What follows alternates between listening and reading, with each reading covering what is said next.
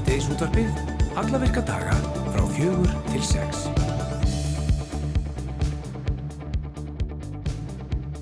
Það eru Andri Freyr Viðarsson og Guðrún Dís Emilstóttir sem að stýra þetta dagsins. Rétti það. Þúsundir hafa látið lífið í stríðinu sem hafa braust út í Ísrael og Palestínu á lögadaginn og mörg þúsund hafa sæst eins og fólk hefur nú tekið eftir í, í flestum frettatímum. En Ísraelski herrin, hann hefur safnað herliðið við landamörkin á gasastöndin í dag og Ólöf Ragnarstóttir, frettamöður, hún er búin að fylgjast með þessu og ætlar að koma til okkur eftir og segja okkur nýjustu tíðindi að gangi mála. Sigmundur Davíð Gunnlaugsson, formaði miðflokksins, eh, verður á línni á okkur eftir. Við ætlum að spyrja nút í nýjustu vendingar í einanlandspolitinginni en eh, eins og allþjóð veit þá segði Bjarni Beinindisson af sér sem fjármála og efnaðarsáþurra í gerðmálgun. Mm -hmm. Svo er það Elin Ebba Ásmundsdóttir sem er varaformaður geðhjálpar. Hún kemur til okkar eftir eh, til að segja eitthvað frá vitundarvakningu um geðheilbriðismál sem að stendur yfir í oktober og ekki veitir af sig ég er búin að taka þetta skamdeginu. Já, það er orðið svakalega ditt. Bara allt í einu bara kólsvarta myrkum að vakna sko. Já magna sko. og líka bara einhvern veginn dimmt inni svolítið. Ef maður er ekki með kveikt ljós þótt að sé bara svona setnibart þess vegna er svo mikilvægt að sé sólobliða innra með manni. Eins og í okkur. En markmið átagsins er að skapa vettvang fyrir fólk til að segja sína skoðun á hvaða telur mikilvægast til að bæta geðhelsu og geðhelfri smál á Íslandi. Við höfum því. Eh, Rástefna almannavarna verður haldinn í Reykjavík næstkomandi þrjöðdag og þar verður leitast við að svara spurningunni hvers vegna erum við öll almannavarnir? Þetta er nú setning sem við heyrðum oft, já, já. sérstaklega hérna í, í COVID-inu. Uh, almannavarnir sem að stopnaði voru árið 1963 eru 60 ára þessu ári og verður ástæðan fyrir öll sem hafa áhuga á almannavörnum mm -hmm. og þau sem að starfa hjá ráðuneytum, stopnunum, sveitafélögum og mikilvægum innviðum. Já, já. Og hver annar en Víðir Einarsson sviðstjóru almannavarna ætlar að koma til okkur eftir og, og ræða þessi mál við okkur. Akkurat. Hún að þing vestra auðvitað eftir aðlun til að stunda vetra veiðar og ref í vetur. Og Sigriður Ólastóttir, hún er formaður landbúnaðaráðs hún að þingi vestra. Og hún verður alveg línu hjá okkur eftir og, og hún hérna er svona mannafróðust þegar það kemur að refaskittum og ref Hefur þú séð ref? Já, já, já. Hefur þú ekki séð ref? Jú, ég held að það er merkilegt Allt í góðu. Já, já. Uh, Valdemar Guðmundsson, uh, tónlistamæður, mun taka lægið í þettinum á samt áskeri aðalstins. Það er nógum að vera hjá Valdemar að staðana en hann er á fullu með tríu í sinu lón Já. Og svo er hann líka undirbúa jólatónleika. Já. Þannig að hafa verið að ljúi oh. tónar hérna milli 5 og 6, ekki jólatónar, wow. en ég reikna með að vera lónstónar. Heldur það ekki? Oh, þetta er æðislegt. Þetta verður hugulegt. Hefur þú komið við lifandiref? Já, ég held það. Þú hefur gert það, já? Já. Ok, og hvað akkurast að því? Það var uh, til dæmis refur í Möðrudal. Já, ok. Var þar bara vappi. Og varstu bara að klappa honum? Já, ertu svo, svo vorum við með refabú þegar ég var krakki. Nú, ok. Við vorum í lotirrekt. Um, Eða ekki bara sleppa þér hingið hérna Sigrið og þú getur bara sagt okkur frá þessu? Nei, nei, ég get ekki nei. talað um viltan ref og hvernig en, hann er skotin. Að, þú kannski leiði mér að tala með hann Sigrið, þú veist allt um málið. En... Ég hef ekki skotiref. Nei, ok, takk, gott, ekki ég heldur þetta. En eins og alltaf, þá ætlum við að byrja í Brussel. Því að þar er frettareitari síðdeis og þessins Björn Malmqvist og hann eh, hitti Rósurud Þóristóttir sem er skólastýri Íslensku skólans í Brussel. Rósa, við sittum hérna á götuhóðin í Etterbekk í Brussel fyrir utan húsnæði sem að, sem að Íslandingaskólinn hérna, er með uh, hérna í borginni. Uh, Kennslustundin er um það að fara að byrja, börninu er farin að týna stað. Segðu mér aðeins frá svona skóla, hvað er mörg börn, hvað gerir þið? Um, við, þetta er mjög mismöndu frá ári til ás. Í ár erum við með þrjá hópa. Uh, og meðalaldurinn er frekar ungur í ár, ég held að hann aldrei verið svona ungur, uh, það uh, eru langt flestir í uh, leikskólabeknum. Uh, uh, fyrir einhverjum ári síðan vorum við með fjóra hópa, þetta, þetta skiptist á milli kannski 20 og 30 börn mm -hmm. Á ári sem er í skólanum. Fólk náttúrulega flyttur bæði hingað og aðri flytja heim, þannig þetta er svolítið rull á hvaða náttúrulega börn er að koma, nýbörn og nýböld sem að koma kannski inn í eldri hóp líka þannig að þetta er ekki endilega að þú kemur inn í leikskólahópin og heldur upp alveg ánga til þú ert 10 ára. Sko þessi krakkar eru náttúrulega, gerir ég ráð fyrir, öll í skólum bara svona frá, þú veist, frá mánudegi til förstudags, þar að segja skólum sem er á ennsku eða frönsku eða, eða hvernig sem það er, þau koma hingað til þess að, tja, viðhalda íslenskunni ekki satt. Bæði til að viðhalda íslenskunni, þetta eru, það er tvennskonar ástæðu fyrir að þú kemur inn á skóla. Það er bæði uh, að því að þú ert ekki fyrir það löngu síðan fluttur hingað og uh, ert mikið betri í íslensku heldur en mögulega í frönsku og það er bara gott að geta sagt brandara og, og hann er fyndin og þarfst ekki að útskýra af hverju. Nei, nei. Þannig þetta er ákveðin kvíld fyrir suma. Uh, aðrir er Svona að koma... tungumálahvíld. Já, tungumálahvíld nákvæmlega. Aðrir eru að koma því að þeir búa hérna, eh, sem sagt eiga blandaða fjölskyldu, uh, sem sagt uh, annan, annað fóreldri sem er íslenskt og hitt ekki. Þau börn eru að koma til þess alveg að læra tungumálið. Þannig þetta getur náttúrulega verið flóki líka inn í bekk fyrir kennara að vera með uh, bæði uh, kannski þrjú um, aldursbil eða þrjá árganga og líka mjög mismunandi þarfir Akkurat. Og getu. og getu. Já. En, og hvernig gengur, e, e, þú, veist, þú veist, að samræma þetta? Þetta gengur bara á góðaskapinu. Þannig að, já, og Þú- bara góðum vilja. Þú ert búin að gera þetta í hvað, einhver tíu ár. Uh, Já. Sérðu einhvern svona, sérðu einhvern mun á krökkunum sem að voru hérna þegar þú varst að byrja og, og þeim sem er núna?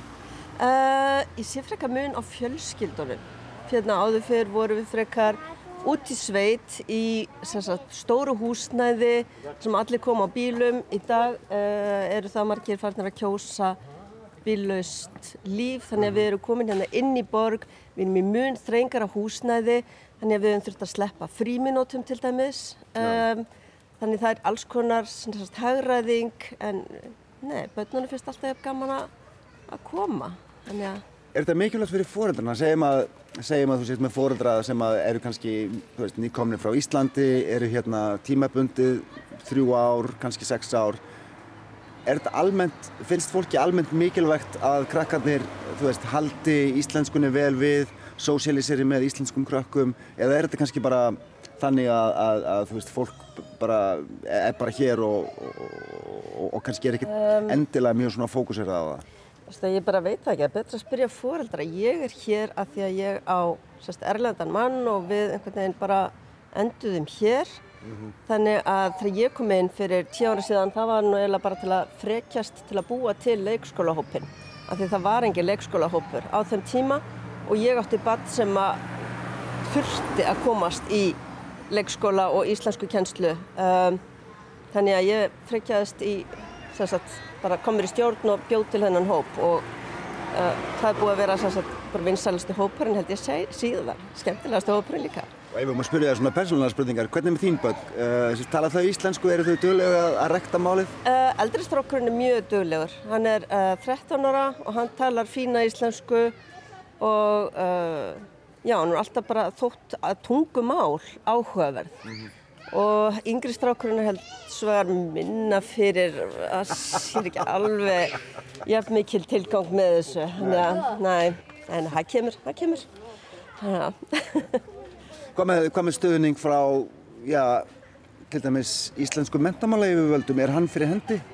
Í, veistu, við vorum einmitt að tala um þetta kennarinn hérna hvað það er furðulega lítill uh, metnaður frá Íslandi að halda ekki bara þessum skóla gangandi heldur skólum hérna ég veit að það er skóli í París uh, í fréttaskóla á Spáni og mér finnst einhvern veginn þetta allt vera svona næstu því sjálfbóða starfi fóreldrarekið voða lítið aðstóð eða, eða annað sem, að, sem að við fáum. Þannig að það er mjög... Ekki einu svona, svo- sko ekki einu svona námsköp. Nei, námsk, nei.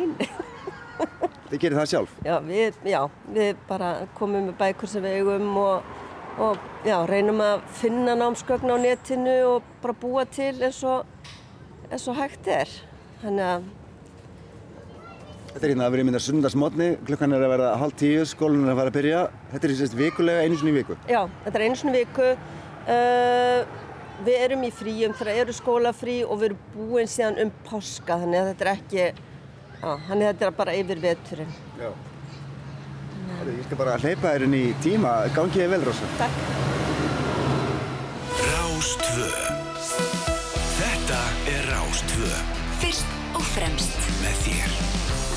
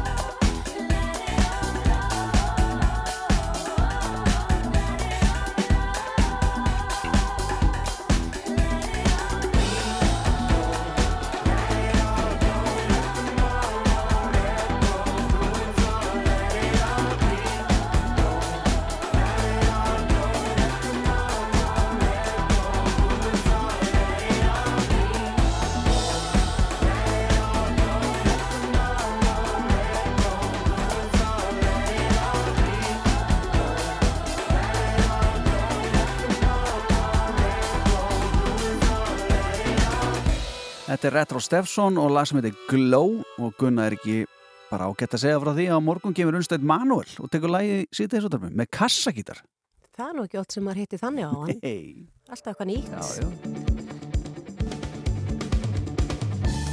Uh, við höfum fengið uh, mikið fréttaföngning frá uh, botni Meirahafs uh, þar sem afi degi uh, þúsundir hafa látið lífið í stríðurinn sem hafa bröst út í Ísæl og Palestín og lögadag og mörg þúsund hafa særst og uh, hinga til okkar er komin Ólaf Ragnarstóttir fréttamaður til þess að segja okkur svona aðeins frá gangi mála á þessum hvað, þetta 50 dagurinn Já, það hófst allt hérna lögðars morgun. Já, og hvað uh, er, eh, hverjar hafa helstu vendingar verið í dag? Það er um, kannski það svona helsta eh, er að Ísraels stjórn er búin að, þeir eru búin að mynda einhvers konar þjóðstjórn eða neyðarstjórn með uh, stjórnarandstöðunni. Þannig að það hefur nú allt verið í sko algjörurugli doldi lengi núna innan, innanlands í Ísrael með stjórnmálinn en þannig er þau búin að koma sér saman um að takast á við þetta saman og búið að stopna svona sérstakt stríðsráðuneyti og þetta verður rauninni bara það eina sem er á dagskrá stjórnvalda í Ísrael akkurat núna. Mm -hmm. E, á sama tíma er e, halda áfram sko eila linnulösa sprengingar á Gaza og það er líka verið að skjölda eldflög, eldflögum frá Gaza en þá. Um, spítalarnir á Gaza eru búin að senda frá sér neyðakall í rauninni því að þeir eru fullir, það er alltaf fyllast og fólk er líka að flýja þangað að því að veit ekki hvert það á að fara undan sprengjuregninu. Uh, það er búið að loka náttúrulega fyrir ramagn og mannúar aðstóð og allt annað inn þannig að þetta er stefnir í sko, já, frekar hræðilegt ástand. Og, þe og þeir eru ekkit árinu vara afli eða einhverju slíku í spítalarnir eða eru þeir? Jú, þeir eru á ykkur varafli sem að dugir minni mig að við lesið kannski nokkra daga að, í mestalagi í viðbót. Já, og kannski þess vegna sem fólk er að hópast hangað. Já, og einmitt líka bara að leita skjóli sko, Mhm. sem að, því að þetta er einhvern veginn rosalega, þetta er alveg út um allt. Það er búið að drepa minnstakosti fimm bráðaliða hjá frá Rauða Hálfmónanum, var ég að lesa einna rétt á hann og 11 manns frá saminuðu þjóðunum, kennara sem voru að kenna í skóla saminuðu þjóðuna og, og lækna og. Já, þannig að það, er það er engin óhullur. Nei, það virðist ekki vera. Eh, Veistu eitthvað hvernig gengur að koma hjálpákakunum og aðstóð inn á svæðið? Það gengur bara ekki neitt, Nei. eiginlega. Já. Það bara er harður lokað. Og svo hefur maður sér fréttir af því að það sé möguleg innrás inn á gasasvæði þar sem verið að sapna hann að varnarliðum og öðrum ísælski herin. Mhm. uh, hafa komið einhverja fréttar, frekari fréttir af því? Það er svona bara það sem að margir allavega telja liggja í loftinu af því að uh, þessar loftarósir eru eitt en af því að Hamas tóku yfir hundrað með sér, alltaf 150 er talið sem í, í gíslingu í rauninni og fór, tóku og fóru með yfir á gasasvæði þá vilja Ísæsk stjórnvöld ekki sprengja þeir vilja alltaf reyna að hlýfa sínum borgurum. Uh, og þá er kannski það eina í stöðunni að reyna að bjarga þeim með því að fara inn bara með fótgöngu liða þannig eru líka erlendur ríkisborgarar. Um, þannig að það er svona talið já, liggja í loftinu. Og svo er fyrir utan það að Hesbóla samtökinn í Líbanon sem að stiðja Hamas er eitthvað svona talin mögulega og þú veist blandast inn í þetta og svo ertu með Sýrland þar sem að þau stiðja Hesbóla er, í lið með Sýrlandi ef svo má segja og, og þú veist þannig að það gæti þetta gæti allt farið bara á allra allra vestaveg. Já, og það er hægt, hægt við því að þetta sé jafnvel að dreifast eitthvað á eitthvað starra svæði. Já, og maður veldi fyrir sér, nú er ég bara með getgátur sko, uh, hvort að þetta sé í rauninni það sem að Hamas samtökin hafi verið að um, reikna með uh, og vilja gerist, sérst, fá þá inn Já. á gödunar og svona taka bara bardaga uh, á gödum úti sko og þeirra heimavelli ef við vorum þannig. Já, innan um alla þessa borgara og þetta saklösa fólk og þar sem að helmingurinn er börn. Já, það er náttúrulega, þetta er náttúrulega eitt þjættbílasta, ef ekki bara þjættbílasta svæði heims Mhm. á Gaza. Akkurat. Þetta er bara með sér myndir en það er bara veist, hús í hús í hús og, og háar byggingar og þetta eru 2,3 miljónir cirka sem er aðna og um helmingu börn emitt á, pínu, á svæði sem er svipa á Reykjavík og Kópavór. Já, og svo sér maður í, í fréttum að það er verið að hvetja fólk af uh, gasa að flýja eða forða sér en, en hvert á það að fara? Það er einmitt spurning sem eiginlega enginn getur svarað. Nei. Það bara kemst ekki neitt. Það er, uh, það eru svona landamæra stöðu við Egiptaland sem er stundum opinn, stundum ekki. En það hefur verið að hún hefur verið sprengt í gær og í dag og svo alþjóða samtöka hafa bent á og meðan það er gangi þá er enginn að fara þarna yfir hvort sem er, hvort sem þetta er opið eða ekki. Mhm. Þannig að fólk er í rauninni bara fast þannig inni og bara að reyna einhvern veginn að uh, koma sér í skjól hvernig sem það er hægt. Já. Ólaf Ragnarsdóttir, fréttastofur úr, takk kjærlega fyrir að uppfara ykkur um ástandið. Takk fyrir mig.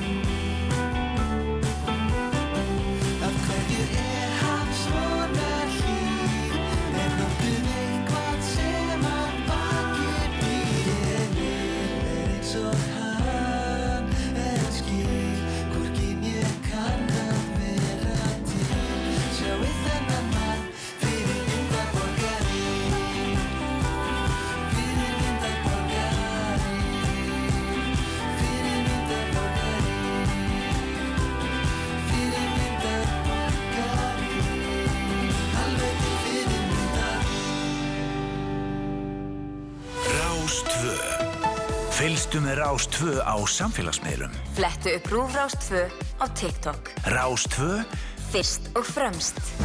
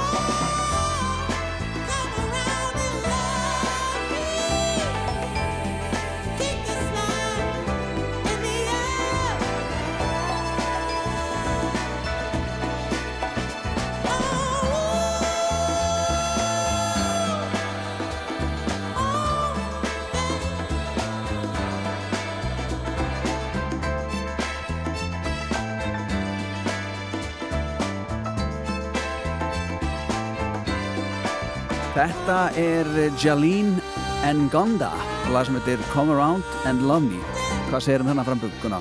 Þetta er rétt, Ngonda Ngonda? Já, ekki? Ngonda. Þú ert svo er mikil tungumál Jalene Ngonda. Já, já, Jalene Svo eru glengur sem að myndi segja að þetta var já, margir Við ætlum aðeins að beina sjónum okkar að geðheilbriðismálum akkurat núna. Það er vitundarvakning eh, núna í oktober og hún er komininga til okkar, hún Elin Ebba Ásmundsdóttir, hún er varaformað að geðhjálpar eh, til að segja okkur frá þessu átaki sem er í gangi núna í oktober. Kondur sæl og blessuð. Við höfum orðið var við eh, svona átak í myndbandsformi, ekki satt? Jú, við erum komið tvö myndbanda þremur. Já. Og fyrst er við starfsmann sem hefur líka verið skjólstæðingur og svo núna í morgun kom aðstandandi sem hafði á alist upp hjá geðvirku móðir. Já. Og svo verið þriði eftir viku, það er ungur einstaklingur sem hefur, eða ekki ánt síðan hefur verið inn á geðdild. Já, og aðeins áður við förum og komum okkur að uh, þessum myndböndum og því Já. sem við erum að taka fyrir þar. Þurfum við alltaf að hafa svona vitundavakningu í þessum málum, geðhilbriðismálunum? Já, við ferðum alltaf að gera því geðið fer ekkit og við erum alltaf að kljástu við eitthvað. En sko geðhjálp vill halda þessar umræði ganganda því við erum búin að vera að reyna að breyta kerfinu í svo mörg, mörg ár. Við erum búin að vera að reyna að rífa kæft í 20 ár Mm. og mér finnst þetta gangut alltaf hægt að því við erum líka að skoða hugmyndafræðina. Hún hefur verið læknisfræðileg og við viljum hafa hana meira samfélagslega og þetta er ekki einhver einstaklingur sem þarf að gera við og greina og meta og eitthvað svona. Þetta er oft í samskiptum við aðra og þegar lausnir í sjónmáli þá er oft fleiri sem þurfa að koma að. Þannig að okkur finnst líka gamaldasta hýrarki.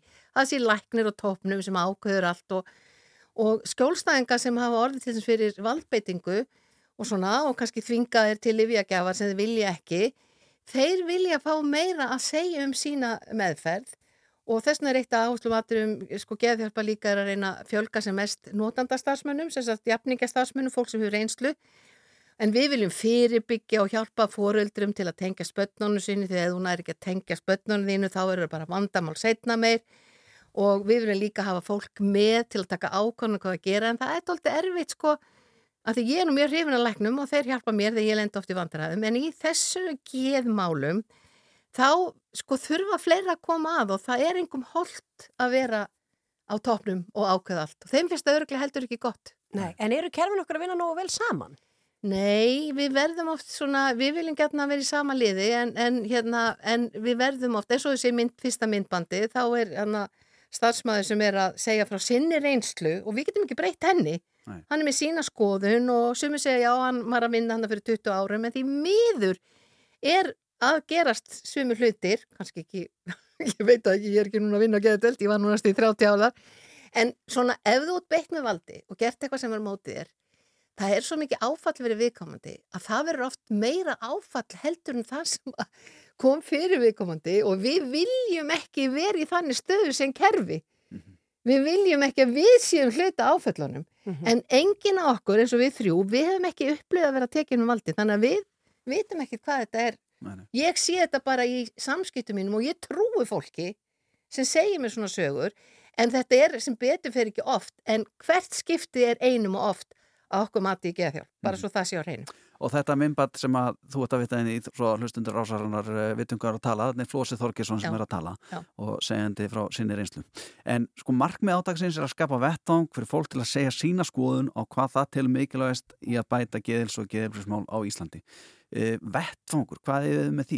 Eitthvað svona... Sko við erum núna með á sko, heimasíðum og Facebook og svona sem þú getur sko, það sem við erum búin að taka þau ástættir sem geðhjálp er með en þú getur líka komið með, þú getur valið á milli Mhm. en þú getur líka komið með hvað finnst þér að við erum að leggja áslá þú langar svona dálítið að fá fólk með okkur til þess að, þú veist, hjálpa okkur í stefnumótnunni Mhm. Já, og þá bæði þá sem hafa mögulega verið að klíma við gera vandamáli eða þá aðstatendur og, og bara hvert þann sem Já. hefur áhuga á þessu. Já, ég meina að það þarf ekki að vera neitt að okkur af því við, svona, þannig sé að því við erum öll með geð hvað gerum við til að halda.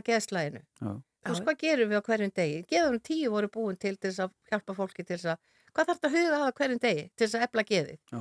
Og það er svona framkomin okkur við náungan og það er að hlusta og allt þetta sem að við gerum þið til dæmis, ef þið eru skemmtileg, Já, þá hafið þið áhrif á geðið, ef þið eru Já. leiðileg, þá finna. Já, við getum Fréttir eru oft hundleiðilega og drama niður. Stundum sko. svolítið þungmál sem að maður er að fara í. Já, já. já, já. Og ég meina spaukstofa, hún held nú bara mínu geðslaði mjög lengi vel. Mhm. Ég saknaði þeir gífulega og, og margir ísningar. Ég er stund að sjósund, það hjálpa mér til að núlstilla mig. Mhm. Ég er náttúrulega þarf að halda mér lífið þannig 20 mínútur þannig ég get ekki hugsað neitt neikvægt allavega eftir smá tíma þannig að fólk finnur sér leiðir. En þessi umræða sem geðhjálp er að koma núna það er að við viljum doldið fá að takast á með hugmyndafræði. Við viljum til þess byggja ný geðsjúkrós eða geðdeldir en við viljum ekki að þessi sama hugmyndafræði sem ríkir og þarna viljum við fá að takast á. Mhm. Notendur vilja hafa meira svona notendastýrða þjónustu þannig ég sem er ok, við breytum, breytum kannski ekki mikið geðsviðinu, það kannski verður bara að fá að vera eins og er en akkur er búið þá getið fleiri valmöguleika sem fólk getur valið, til dæmis eða þarf að leggja svona geðdild, getur að valið að koma svona lítið sætt hús sem einhver er næs við í 2-3 sólaringa skilur við erum búin að búa til sko þessi sjúkdámsvæðing, hún átt að hjálpa okkur með fordóma. En svo snerist nú stundum við og er kannski ekkit endilega því að stundum verður þessi merkimiði eins og að vera með geðklóa, fólk er ekkit að vifta það neitt en það á ekkit að vera þannig Já, og geðdeil kannski komin með, fyrir suma með þann stimpil á sér þessu þung skrefa stíga Já, þangað inn. mjög þung. Já. Og það er nú, við höfum líka fengið að heyra það, eru þið eitthvað að hjálpa til með svona mynd, myndbundum, verður einhver léttari skref? Já, kannski ekki, en við viljum fá þessa umræðu og við viljum takast á en ekki fara kannski í skotgrafina sem að gerist oft. Nei. Já.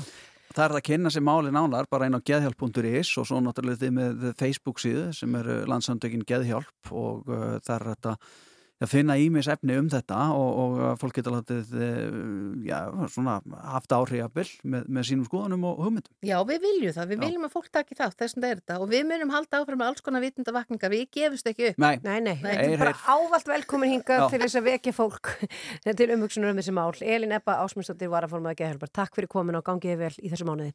Takk.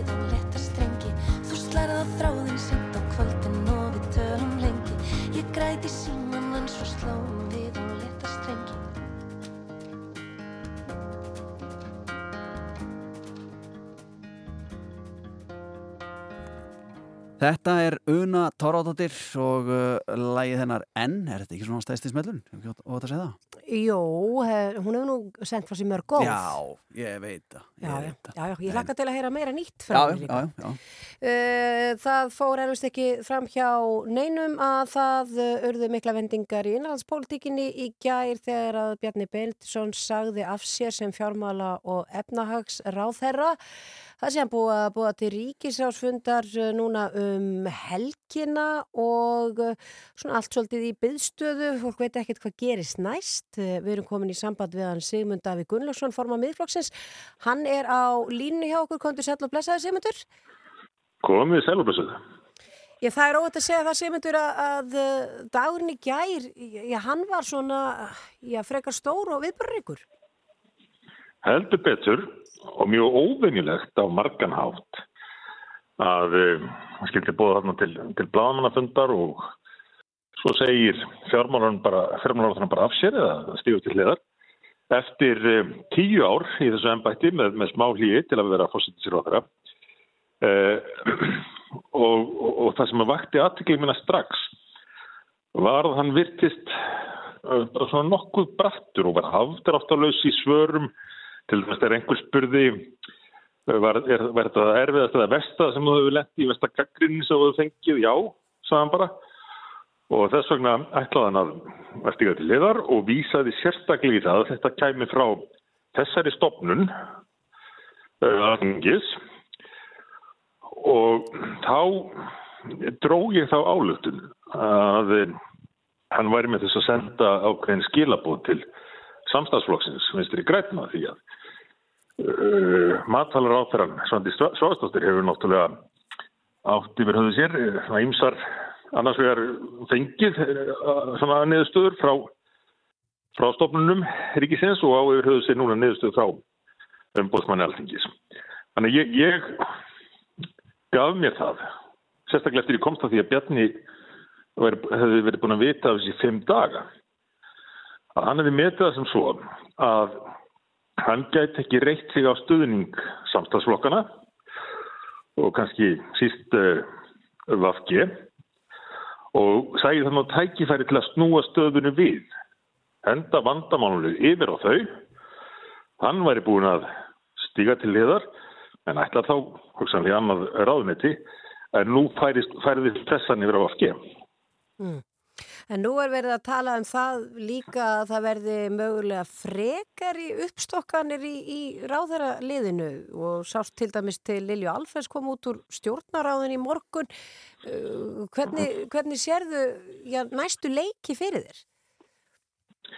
Ég held að það sé óhjákvæmilegt uh, að það verði frekar uppstokkun því að annars er sjálfstæðarflokkurum búin að tapa og það lítur þá að þessari kenninguminni um, um þetta útspil ef maður kallaða það.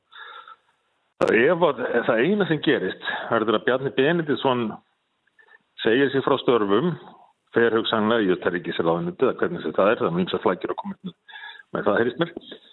Þessi fyrstu áformið skipti en, en ef það eina sem gerist er að formaðu sjálfstæðarflokksins uh, víkur eða fyrir annaði mætti en ekkert gerist á hinnum þá er það bara tap fyrir sjálfstæðarflokkin þess vegna held ég að þetta sé já, ég kallaði nú holm, holmgöngu millir sjálfstæðisflokks og, vafki uh, og uh, það hvernig tiltekst muni ráða úrslitum um framtíð ríkistofnarinnar Sjálfstæðisflokkurinn getur ekki setið bara áfram undir í þeirri stöðu sem hann hefur verið eftir þetta útspil Bjarnar hefur ekkert gerist annar stað.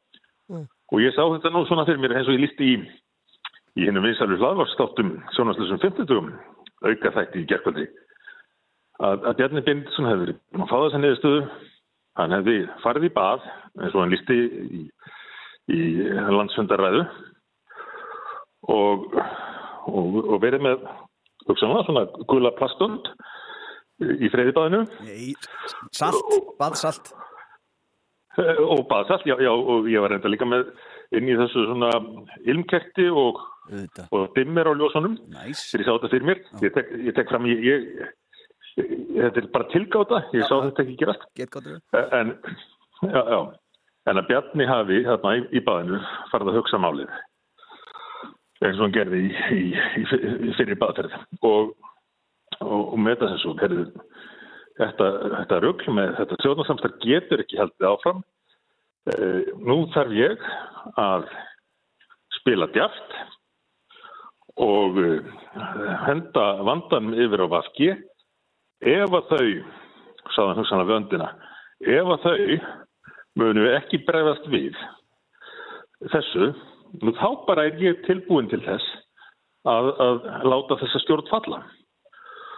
Og, og ég held að öndin hafi kinka kolli og þetta hafi vorið niðurstaðan að, að þetta sé uh, útspil frá Bjarnabindinni sem varði ekki bara það hver er formálur á þeirra, heldur hvort að ríkistofnin verði endurskipulög og haldi þannig áfram eða hvort þessu verði bara sjálfhætt. Þannig að þú býst við já, stórum tíðindum þá næstu dag? Já, það er alveg ljóst að það verða, verða tíðindi næstu daga því að Bjarni er líka búinn að, að setja endapóndin, búa til endamarkið með því að, að segja að það verði þessi ríkisfásfundur um helgina og ég held að þau hinn hef ekki verið undir það búinn. Við reyndar heyrðum að, að formaður uh, framsóknar flokks uh, hefði, hefði ekkert vitað að þessu fyrir hann að sá þetta á netinu að, að fjármálaráþurinn væri að stíga til þér. Katrin Jakobsdóttir vilist hafa heitt að uh, já, fyrir morgunin eða daginn áður uh, og, og þegar ég sá hana í Kastlós í gær þannig Katrinu, þá fannst mér hún að vera þannig að dóltið skelkuð yfir þessu en það er meðalans vegna þess að það er búið að setja þetta endamark núna um helgina, Bjarni er búinn að taka fyrsta skrefið og, og segja, ákveða að segja sér frá fjármálaráðundinu, en þau hafa ekkert langan tíma til að, að, að leysa úr þessu. Þannig að ef að ekkert gerist fyrir helgi, annað en þetta að Bjarni fyrir úr sínurlandi, þá er það tíðindi. En ef einhvað gerist, verða aðra breytingar, þá er það líka tíðindi. Þannig að það er óhjákvæmulegt að, að þessir allra næstu dagar þegar lýs sér pólitísk tíðinni. Segmundur, svona rétt í lokin uh, þegar þú ert nú svona uh, já, þú ert mikill humoristi uh, gefum okkur það að Devaf var ennþá gefið út á prenti og afturstu síðu Devaf það var Loki hvað myndi Loki segja? Já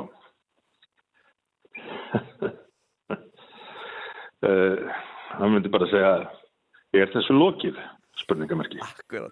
Uh, Sigmundur Davíð, nota þetta ára lokurinn. Takk hérlega fyrir þetta og njóttu dagsins. Takk sem þess. Bless, bless. Takk, bless. Hugsaðir hérna... Þetta var vel, vel spila hjá Sigmundi er þessu lokið. Já, þetta er mjög góða loki. Af því að, að, því að Frábálóki. hann fekk ekki mikið tíma til Nei, að hugsa þetta. bara mjög góða loki. Sá sem var lokið fekk alltaf heilan sólarhinga að hugsa Þetta loka. var bara, þetta var vinnarnas, að hugsa um hvað loki segir. En sko, hvort, hvor heldur þú að ég flottari baðkar Sigmundur eða Bjarni? Ég heldur að ég báði rosalega fín baðkur. Já, Svona hot, já, sem hotbaðkur. já. Ganski, Flísað. Já, eða frístandandi. já. Mósæk. Það er mósæk bað. Já. Þetta er eitthvað þannig, sko. Já. Þetta er ekki drasl, sko. Ég held að samt báði meira sturtumenn.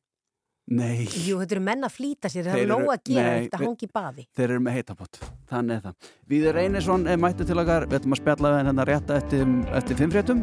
Þetta er Helgi Björns, Kógós og Engifer.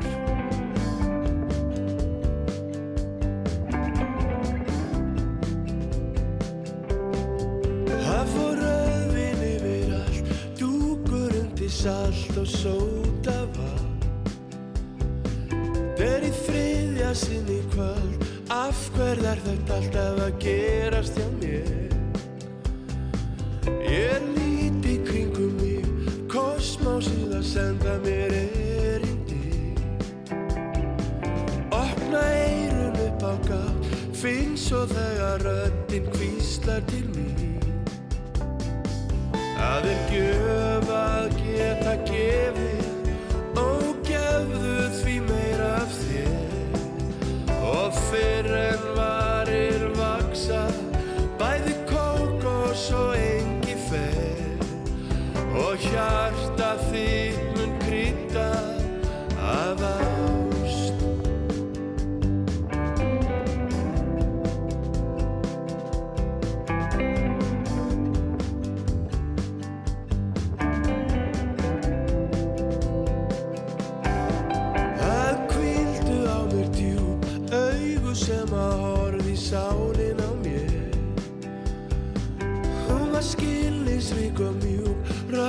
sem að hljómaðu barka þér.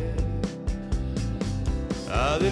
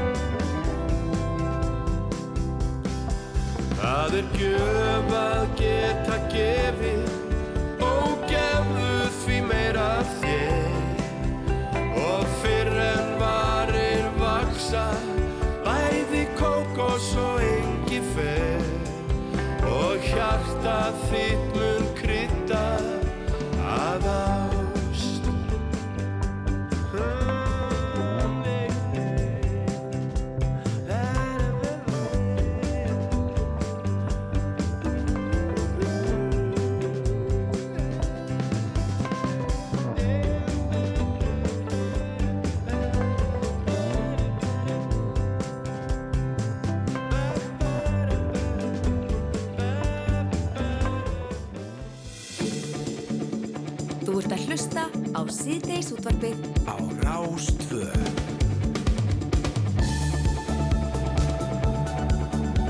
Áfram höldum við smjöri hérna í síðdeisvotabrinu og nú er hann Víði Reynir sem mætti til okkar. Sæl og blessar, velkomin. Sæl og blessuð. Nú er langt sinna að þú er komið heimst til okkar. Já, það er, bara, er það ekki gott? Jú, nei, það er, er sem mjög gott að vera búin að fá því allan. Það er ekki gott að vera búin að vera svona fjárhændi hjá okkur. En þú ert mættur ynga til að ræða við okkur um þínar ær og kýr, almannavarnir. Já, nákvæmlega. Ég verð samt að spyrja ykkur, fór þetta ekki að mestu fram í gegnum síma? Þegar, Já, hann kom samt stundum, sko. Var það viðhafnar útgáð bara? Já, það var það, sko. Já. Og ég man, sko, það var þeim tímum þegar sko, það var búið að skipta hérna öllu húsinu upp í ykkur svæði, sko. Mm. Og maður var partur á sótandasæði tvö, sumur í fjögur, sumur í sex Já, já. og það þurfti bara líka að laupa henni neðar út gangan, sko. Það var nú bara þannig. Já. Frábæri tímar. En það er- það er sérst ráðstefna almannavarna, hún verður haldinn næstkomandi þriðdag hérna í Reykjavík og það verður leitast við að svara spurningunni hvers vegna erum við öll almannavarnir? Já, nákvæmlega. Mér finnst þetta stór spurning. Þetta er risastór spurning og, og hérna og þetta var svona einmitt svolítið slagvarð í kringum COVID en eru þetta búin að fylgja okkur miklu lengur heldur en það og, og, og ef maður skoða sögu almannavarna, þú veist uh, formlega sé að vera almannavarnir stopnað með lögur 1962 og tek- tekur gild í 63 þannig að við erum að halda upp á 60 ára afmæli almannavarna á Íslandi núna. En, en í grunninn er það miklu eldri vegna þess að, að áður voru reglugerðir um, um loftvarnir Reykjavíkur og og þegar lögin eru, eru sett 62 þá voru menn fyrst og fremst að hugsa um kaldastrið og kjarnarskóknina og lögin fyrstu árin gerðu bara ráð fyrir viðbyrðum við, vegna stríðis en það er ekki sko fyrir 1967 sem að e, náttúruhamfarir og svona aðrar óknir koma inn í, inn í lögin en menn voru svo sem búin að sjá það áður en það var að það þyrti, þyrti lögjöðu kringu það. Og alla tíð sko hefur hafa almannavarnir snúið náttúrulega um fólki í landinu og, og þar leðandi þurfa allir að vera hluti af kerfinu því að, að engin keðja er, er sterkar en veikari, veikast í lekkurinn eins og maður segir og, og almenningur spilar auðvitað mjög stórt hlutverk í því að, að gera samfélagið okkar sko áfallathólið Mhm. og það er það sem almannavarnir auðvitað ganga stórum hluta út á að við séum tilbúin og getum brúðist við áfallum því að við vitum það búandi í þessu landi að, að það verða áföll og stundum sjáum við þau fyrir, stundum sjáum við ekki fyrir og hlutinu koma okkur óvart en alveg eins og við spennum á okkur belti þegar við setjumst í bíl eða erum með reikskinjara í öllum herbygginu í húsunum okkar þá, þá geta allir tekið þátt í því að vera almannavarnir og, og við sáum það náttúrulega í COVID-inu að, að það voru allir með Mhm. en við sjáum það líka bara ef við, ef við skoðum hamfarasögun okkar Vestmanniða gósið 1973 þegar allir Vestmanniðingar tóku þátt í að þurft að bregða stuð og fara við sjáum uh, snjóflóðið Neskjöpstað 1974 þar sem, sem íbúðarnir á staðnum eru bara að móka og leita sínum ættingum og vinnum og, og fleiri snjóflóðið 95 auðvitað líka þannig að og við sjáum það alltaf að, að það er samfélagi, nær samfélagi sem þarf að bregðast við. Já. og það er einmitt svona líka svolítið sem við erum að horfa á einmitt í ára ástefnina, við erum með frásög frá Vestmannegjum, við erum með frásög frá uh, snjóflóðunum fyrir, nei hérna fyrir ekki skriðuföllunum á Seyðisfyrði 2020 og, og svona út frá þessu er ég svolítið að leggja í þá í þeim hluta sem ég er að tala um þarna varandi aðeins að upp sögur. En líka bara hvernig almenningur hefur tengst almannavarnum og hvernig almenningur, almenningur getur tengst og verið hluta almannavarnum sem er held ég einmitt svolítið styrkur íslenska samfélagsins að, að, að við svona þekkjum þetta og vitum þetta. En svo er, eru þessar samfélagsbreytingar sem við horfum á, við erum að fá mikið að nýju fólki sem er ekki alveg uppi þessa, þessa náttúru og þessa hugsun. Og við erum með hvað er ekki einhvað kringum 2 miljónum ferðamanna að koma til landsins og Já. sem eru kannski bara alls ekkit vanir okkar umhverfi. Og þannig að ábyrð okkar líka sem samfélagsskakvar þessu fólki er mikil og þurfum að halda, halda vel á spilunum. Já, sko þú minnist á þarna spennabeltin og reiksskinnara og reikskinnarar voru nú sennilega ekki til fyrir 60 síðan uh, og sætisólar voru bara fáráli pæling uh, þannig að við getum gefið okkur það að almannaverðin er alltaf verið stöður í þróun en fyrir 60 árum síðan þegar þetta apparat er stopnað og kynnt fyrir þjóðinni hvernig var það? Hvernig, hvernig tók fólkur? Ég held að sko, menn, sem, þessu verkefni sem menn voru fyrst og fremst að horfa þarna að, að, og fyrstu plöni snýrist um hvað gerist eða það verið varpað kjarnangusprengju á, á herstuðina Já. í Keflavík og, og, og svona hvernig það, hvað áhrif það hefði á landið og, og hvernig menn getur þá brúðist við því með því að flytja fólki burtu af þessu svæði, það var svona, menn einbættir sér svolítið að því að það væri, skotmarki væri svona söðvesturhóttnið og, og það eru til áallenni frá þeim tíma sem að, sem að hérna, sína það að menn hafi hugsaði þetta leið um að rýma söðvesturhóttnið og, og þá var, var hérna, dreifing byggðar í landinu þannig að, að ef allar fjölskyldur út á landi tækju eina fjölskyldu af höfuborgarsvæðinu þá myndu þetta að koma öllum fyrir með þeim hætti það er, er breytu tímar í dag er, það er 72% eða eitthvað svolítið þjóðurinn sem býr núna hérna á, á söðvesturhóttinu þannig að, að þetta, hefur, þetta jafnvæg hefur raskast en Já. og segi líka bara það að við erum að, við erum að hérna, þétta byggðirnar þar að segja að það er fleira fólk sem býr í, í þéttbíli og það er alvegandi sko útsetning fyrir að hamförum öðruvísi og, og líka það sem sem er mjög mikil þróun finnst okkur þessu að í svona star, því starra samfélagi sem þú býri þá, þá verðist vera fólk sem minna vakandi fyrir umhverfinu og þeim hættum sem að, sem, sem að þar búa við við heyrum ekki mikið um að trampolín sé að fljú, fjúka í sveitunum sko en þó það sé alveg trampolín þar líka Já. en þau eru að fjúka í, í borginni og, og stærri bæjónum Ég kunna bara nútana í sveitunum betur en við hérna. Já, en, en talandi um það, eins og þú segir, við, erum, við höfum ríkan samtakamátt hér á, á landi og þetta, þetta slókan, svo í sletti, við erum öll almannavarnir. Slagorð, Gunnar. Slagorð, Við erum erum öll almannavarnir, er náttúrulega landsvegt sérstaklega eftir COVID. Hvernig fáum við, eða hvernig getum við einhvern veginn dreift þessum bóðskap, eins og þú segir, til fólk sem að hinga flytur og er ekki alveg upp við þetta og ferðamanna og, og annað slíkt. Við öll að þurfa að hjálpa stað. Hvernig gerir þið það?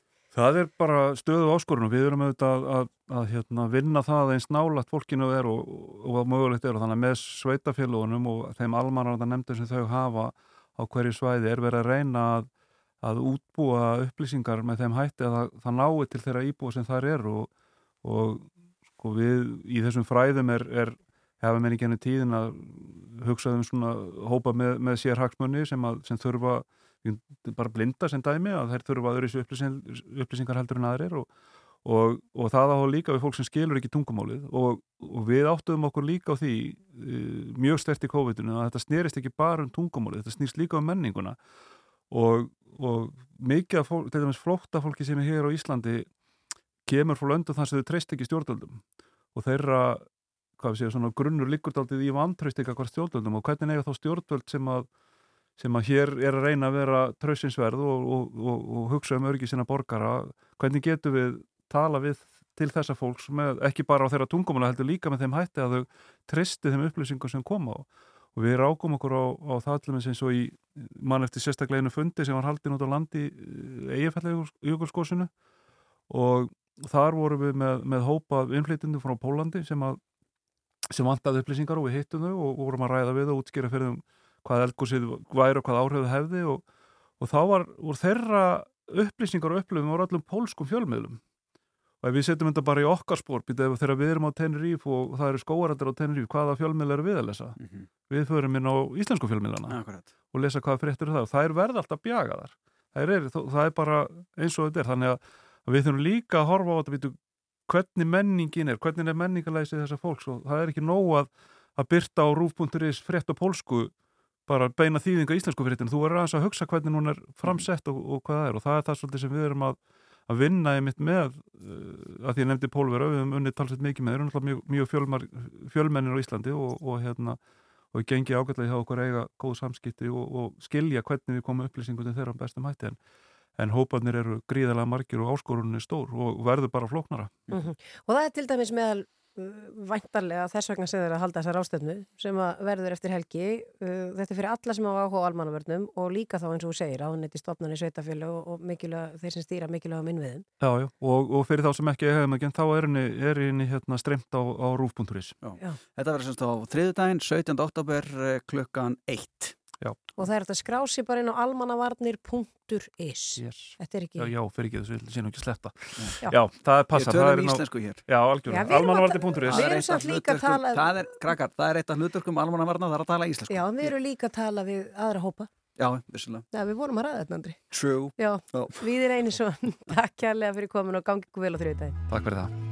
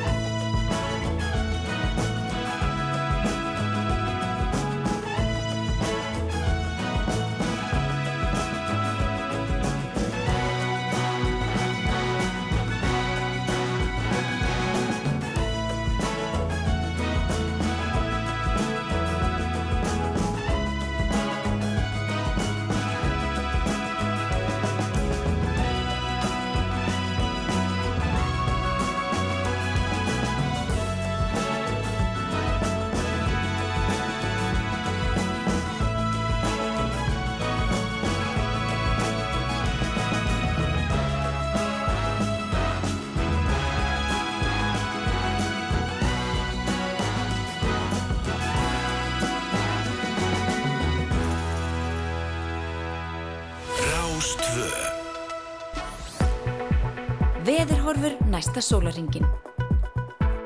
Vist að þú og Víðir voru að sletta hérna áðan? Já, það var nú bara svona lítið. Já, já. Já, já. Þá ætla ég að fá að segja eitt hérna. Nú. Sko, nú er hittast í orðið þennan mótana að feels like er Já, komið í mínus. Ah. Já, það er bara þannig. Og Það- ég putta að hugsa mig tvisar um því ég sendi dóttur mín á hjóli í skólanum og sko. ég sagði nei, ah, eru hálkublettir. Það voru ekki, sko. Nei, það voru ekki í morgun. Nei, nei. En En, það er- styttist kannski í þá. Já, og þetta er líka fyrir að verða svona tímin af því að við vitum þetta sem foreldrar Mm. það sem að veit ekkert í hverju maður á að senda börn á að senda þau í pollagalla Já. eða er það skilin ekki skilin. Nei, nei, nei, nei. jú, jú, það er skil og pollabuxur ég er búin að vera að vinna aðeins með það það er skil og svona hlýðabuxur þóla vatn Já, ég setti reyndar í, í hérna gærað fyrra dag eh, svona jakka, hlýjan jakka undir bollajaka. Já, það er mjög Já, klókt eða þá ef þú átt hlýtt vesti undir pollagalla Já, já, já. það er enn betra, það er svona librara Já, já, já, skemmtilegt. En, en það er skóbúnaðurinn sem er Já, til vandræða núna. Já. Eins og í gær þá var sett í svona léttum kuldaskóm. Mhm. uh, nú var það strygaskóri, fyrir þetta var það stigvel. Já, Man veit já. ekkert núna. Nei, nei. Það eru já. Bursið frá því, Ég er enda með á mínu heimilu svona, eh, ég kalla þetta svona Bon Jovi stífil. Þau eru svona uh, skorinn þannig eins og þetta sé svona lág kúrekastífil já, ertu bara að tala um á krakkar sko. Gummiskó í rauninu. Þetta er aðeins flottar en gummiskór. ökla gummiskó. Akkurat. Þa, það hendar við flestar aðstæður. Já. Ég mælu með því. Það er mjög gott, Já, mjög já. gott. Uh, Það er breytilega átt yfir 3-8 metra á sekundu en norðvestan 10-15 og östfjörum fram á kvöld. Dálítil slitta eða snjójél norðvestan til en annars er bara þurft að kalla og hiti yfirleitt 0-10 stig og það er hlýjast söðaustalands. Það kvessir aftur í nótt. Æja.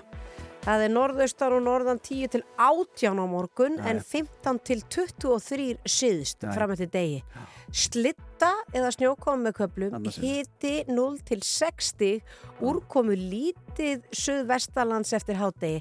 En þú sér það, það er engin lofthiti þannig að Nei, það verður skýta veður Já, já. uh, þrátt fyrir að hér sé kannski ekki slitta. Já. Ef við kíkja á staðaspána á morgun og hádegi þá er í Reykjavík þryggjastega hiti 10 metrar á sekundu og úrkoma við veitum hvað það þýr. 16 metrar á sekundu í Bólingavík og þryggjastega hiti og alveg mígandi rigning Tvö stig á Akureyri það svona, það er, það er lignara þar uh, þrjú stig á Egilstöðum og það er svona grátt yfir og fjögur stig á Kirkjuböklustur og það er skíjað þetta er svona dagur sem maður þarf að kveikja ljós Já, já. eða lampa eitthvað í allri íbúðinni Þetta er föðurland. Já, já, þetta er allavega Þetta kósi er, heit þetta er, þetta er föðurland, uh, víðar í jogginbuksunar, sleppiði leggingsunum á krakkana, pollabuksunar upp, vestið undir, uh, pollajakka og undir vesti er lópapeysa. Þetta er, uh, já, þetta er svona, já, við erum öll almannavarni, þetta er náttúrulega fatnaðurinn hérna á morgun. Þau myndur rífa sig úr aldrei því þau halda sér enn sumar Já, já, svo er Valdimar Guðmundsson, hann ætlar að spila fyrir okkur lag í beinni. Þetta er rétt að þetta.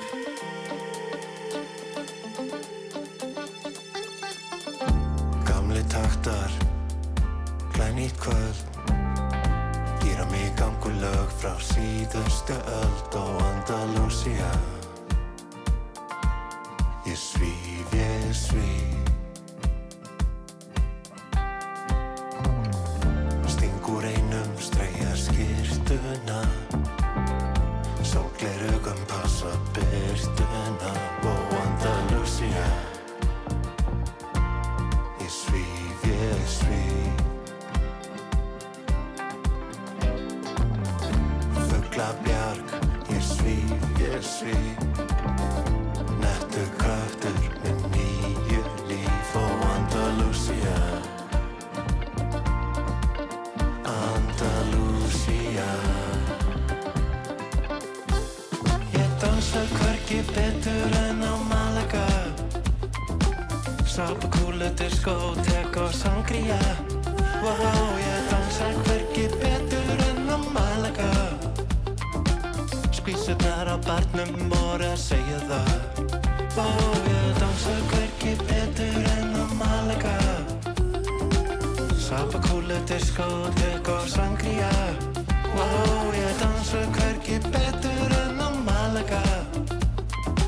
Skvísurnar á barnum voru að segja það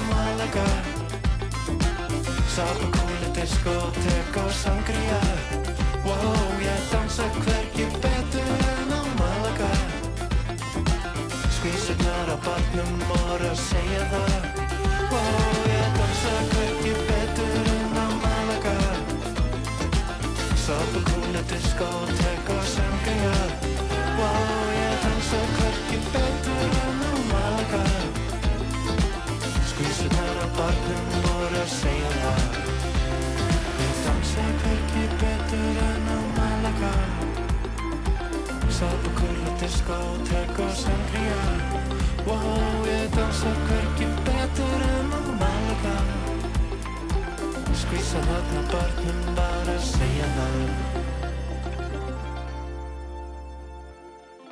Frábæra fréttir, Valdimar uh, Guðmundsson er mætturinga til okkar eins og við uh, tilkynntum hérna áðan og uh, já, við spurðum Valdimar hvort hann vildi ekki taka úr ykkur læð hann sagði jú, er það kannski hægt? Og hann tekur áskefélaga sinna með sér og hann er með gítarinn eins og vel og svo bara hérna bak við tjöldin bara eh, fyrir svona tíu sekundi síðan þá heyri ég Valdimar segja kunnu við ekki alveg örgulega lægið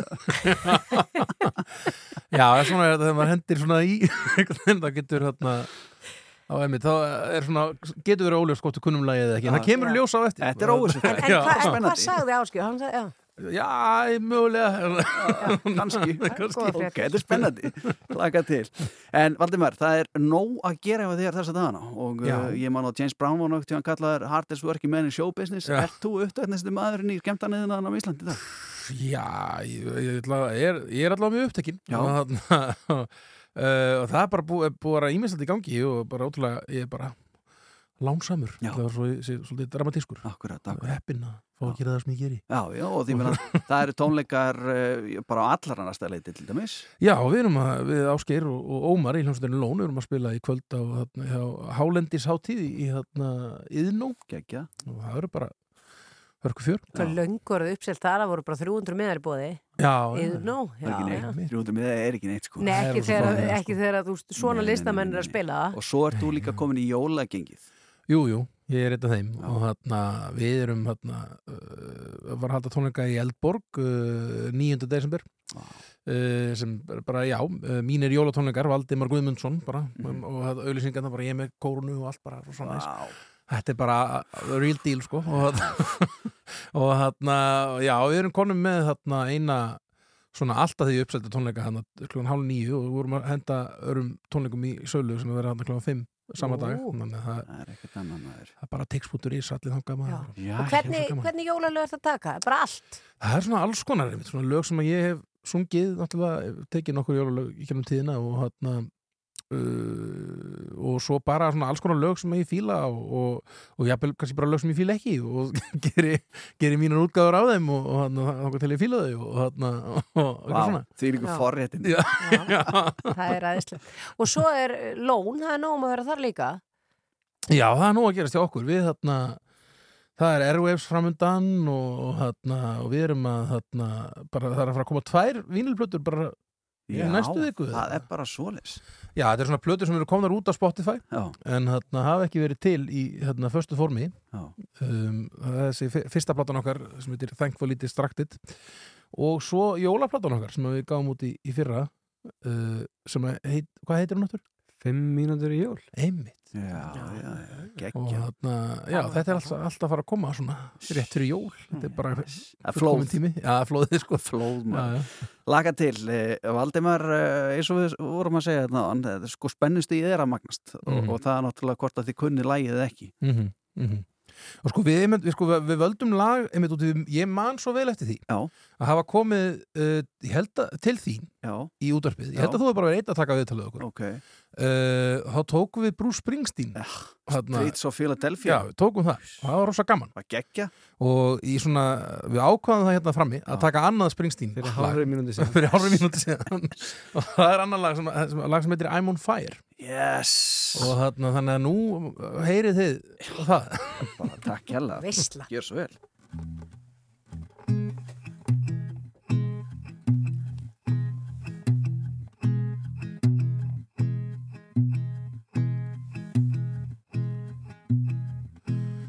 Hey, little girl, is your daddy home? Did he go and leave you all alone? I got a bad desire. Oh, I'm on fire. Tell me now, baby, is he good to you? And can he do to you the things that I do? Oh no, I can take you higher. I'm on fire. Sometimes it's like someone took a knife, baby, etchy and dull, and cut a six inch valley in the middle of my skull. At night I wake up with the sheets soaking wet and a freight train running through the middle of my head. Only you can cool my desire.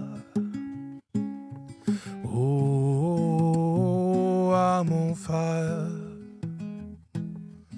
Oh, I'm on fire. Oh, I'm on fire.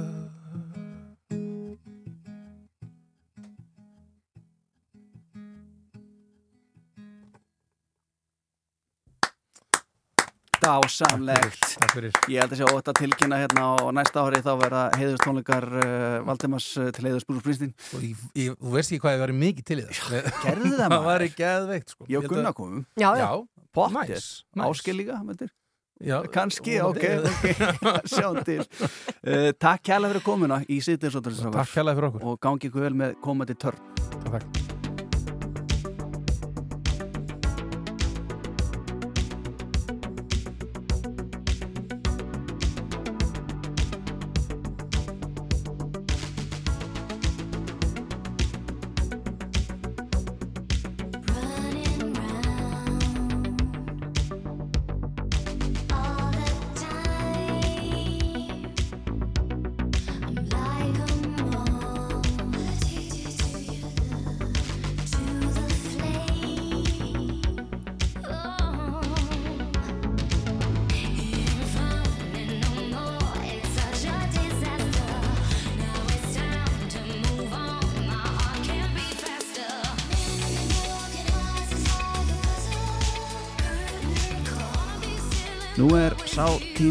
Þar sem að Húnaþing vestra auðlisir eftir aðilum til þess að stunda vetraveiðar á refum og þetta er ekkert einstæmi því að þetta hefur gert þó nokkur sinnum og við erum svo heppinn að eh, við erum komið Sigriðu Ólafsdóttur eh, sem er formaður landbúnaðarás Húnaþings vestra á línuna og hún veit allt um þetta og vel rúmlega það. Sælablössuð.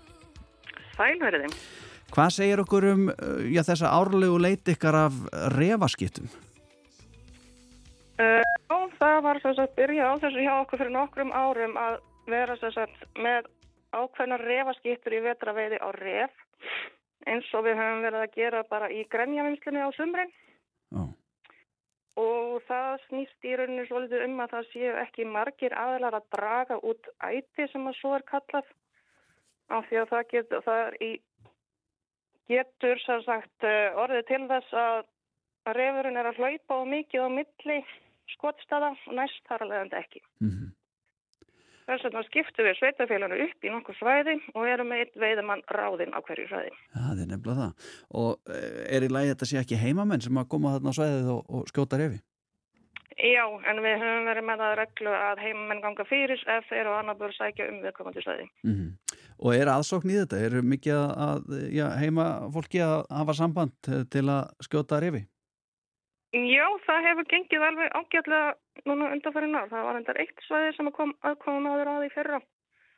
En hann er nú halvur húnvendingur þannig að hann stóð sig að sálsögðu vel í þessu. Já, já, auðvitað, hann, hann rétt slapp í gegn. Og hvað, þetta, hva, hvaða tímabil er að tala um? Uh, við höfum verið sagt, að taka fyrsta tjekkjöftíðuna miðan februar. Það er sagt, ákveðin kvóti á hvert svæði. Já. Af því að það er bara ákveðin peningur sem fer í þetta á fjárhagsáallin hverju sinni. Mhm. Og sömulegis ákveðin, ákveðin peningur sem er greittur á hvert skott. Já. Og þá höfum við verið að taka þarna tjekk minni með miðan februar til að aðtöða hvernig gengur að fylla upp í kvóta hverju svæði og höfum þá skoðað í framhaldinu hvort að þessi útlötu kvóti yfir eitthvað annað svæði þegar það er erfitt að fylla á einu. Og svo er þetta bara búið áður en að grænja í Ísland hefst, að voru. Já, já, já. Sko, nú hef ég mjög sjaldan séð refi út í Guðskrætni náttúrunni og uh, það er ekkert algengt að fólk sé að sjá refi en er mikið er meira af þeim á þessu svæði landsins heldur en annars þar? Nei, það held ég nú ekki en það er hins vegar mjög mísjönd hvað sveitafélög eru að gera til að halda hann í skefjum. Já, einmitt. Og hérna erum við náttúrulega bæði með mikið söfrættasvæði og svo er tölvört mikið á æðarverfum hérna og reppi á það til að gera óskunda í báðum búgreinum. Já. Þannig að við viljum að sjálfsögðu ekki útrýmónum að það veit lengin en við viljum halda hann við skefjum. Akkurat. Og hvað, ég meina, ef að menn eh, sækja um þessa stöðu og, og komast að og, og eh, er kominir upp í einhverja hlýðina og, og hann er snjóskapl og svo dúsar hann einhverja mánuði og ekkert veiðist, þá er það ekkert borgað. Það er bara svo leys. Það er bara mjög vinnfall í þessu. já. Það er nefnilega ólíkt við greinjavinsluna sko og mingaleitina. Það er svona aðeins fastari tekur kannski í því en það er nú mjög sjálfgjart að menn fái ekkert og svona fyrst þú segir dúsvonni snjóskapli svo mánuðum skiptir. Já. Það er nú orðið mjög algengt að skiptirna séu bara með freyðumyndavel við ætið Já, já. og fá þá bara mynd í símanu sinn þegar að tófarnar eru fattar að ganga í Já. og geta þá skipilagt að veiðarnar út frá því þannig að það er nú vonandi ekki hægt á að skiptirnar okkar dreiptastu kulda í Nei, nei, það viljum við alls ekki. Það viljum við Það væri já. Og hvað eru, hvað er svona, hvað, hvað eru skittur að taka svona á, á meðaltali? Hvað eru margir, hvað eru mörg skottin sem er komið inn? Það hafa nú flestir núna á undanfennum ára náða að fylla upp í kvótan sem er 17 dýr á hverju svæði Mhm. og það er bara einni góðri nóttu geta náð þess vegna bara 5, 6 og allt upp í 10 dýr sko. Já, já, já. Þannig að maður er í sjálfur sér ekki margar nætur endilega að fylla kvótan ef að það er á annað borð uppgötva ætið sem að það eru nú nokkuð naskar á. Já. Og er fólk að nota riffil í þessa veðar? Já, en bara mjög stengt að fólki henda held ég. Já. Sumur eru í haglaranum og sumur eru í riflinum. Já. Enga svona gildrur? Það má ekki Nei, það má ekki, nei, auðvitað ekki. og við að sjálfsögðu fylgjum lögum að reglum. Já, við gerum það auðvitað, auðvitað. Það eru dásanlegt og eh, ef fólk eh, sem að, eh, já, vill taka þátt í þessu og og eiga sem að vera dreigið út og, og komist í Já. að vera refaskitta á Húnaþingi vestra í, í februar, hvernig snýða sér? Þá fer hann inn á heimisíðan okkar, hunathing.is og finnur frétt sem heitir Vetraveið á ref, veturinn 2023-2024 Mhm. og þar er hlekkur á sérstakt umsóknar eðublað. Já, akkurat. Sigriður Ólafsdóttir, formaður landbúnaðar ás Húnaþings vestra. Þakka þið kjalla fyrir spjallið. Takk sem er leiðis. Bless, bless. Bless.